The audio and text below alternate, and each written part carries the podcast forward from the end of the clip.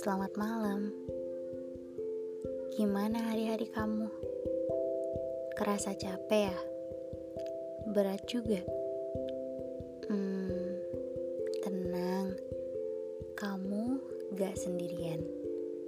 Semua orang, begitupun aku, sama kok. Terus berjuang ya, dan selalu baik-baik aja. Izinkan aku untuk nemenin kamu berbicara malam ini. Sebelum kamu gak tahu harus lakuin apa. Aku yakin kamu pasti punya segudang masalah. Entah itu tentang penyesalan, entah kurang percaya pada diri kamu sendiri, atau kegagalan masa lalu yang kini malah kamu sendiri lampiasin sama diri kamu. Kamu kerasin diri kamu, kamu paksa untuk selalu kuat.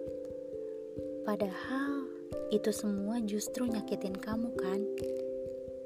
Oke deh, gak apa-apa.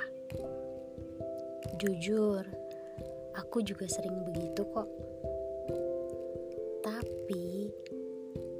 Ada hal yang jauh lebih nyaman dibanding kita harus pura-pura kuat.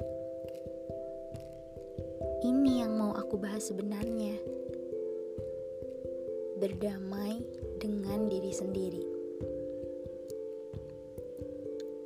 Hei, siapa sih yang nuntut kamu jadi seseorang yang orang lain mau?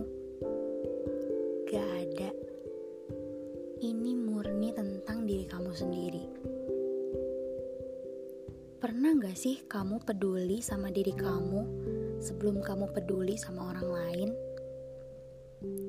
Misalnya nih ya, aku ngasih kamu motivasi waktu kamu punya masalah. Tapi aku sendiri yang gak bisa ngatasin kalau misalkan aku punya masalah. Inilah poin penting dari berdamai dengan diri sendiri peduli, peduli sama diri kamu. Kamu sedih, ya ungkapin. Banyak kok orang baik yang mau dengar cerita kamu. Gak usah deh ngepus diri kamu untuk selalu kuat. Gak apa-apa, gak apa-apa banget buat kamu mengeluh sakit. Wajar, kamu juga cuma manusia biasa Semangat terus ya. Setelah itu, coba deh, coba ajak diri ini untuk memaafkan. Maafkan atas masalah yang sudah terjadi. Maafkan juga kekecewaan pada masa lalu. Aku yakin berat, sumpah berat banget. Tapi yang namanya kecewa itu pasti ada Gak semua hal yang kita inginin bisa berjalan mulus-mulus aja. Tuhan ciptain kecewa supaya kita belajar, belajar untuk lebih kuat lagi. Tuhan juga berarti sayang kita, karena dengan adanya kecewa, berarti ada hal yang kurang baik untuk kita. Maka, sebelum lebih jauh, ya udah Ikhlas ya, itu jalan terbaik. Lalu, apalagi hal yang bisa kita lakuin untuk berdamai? Hmm, istirahat.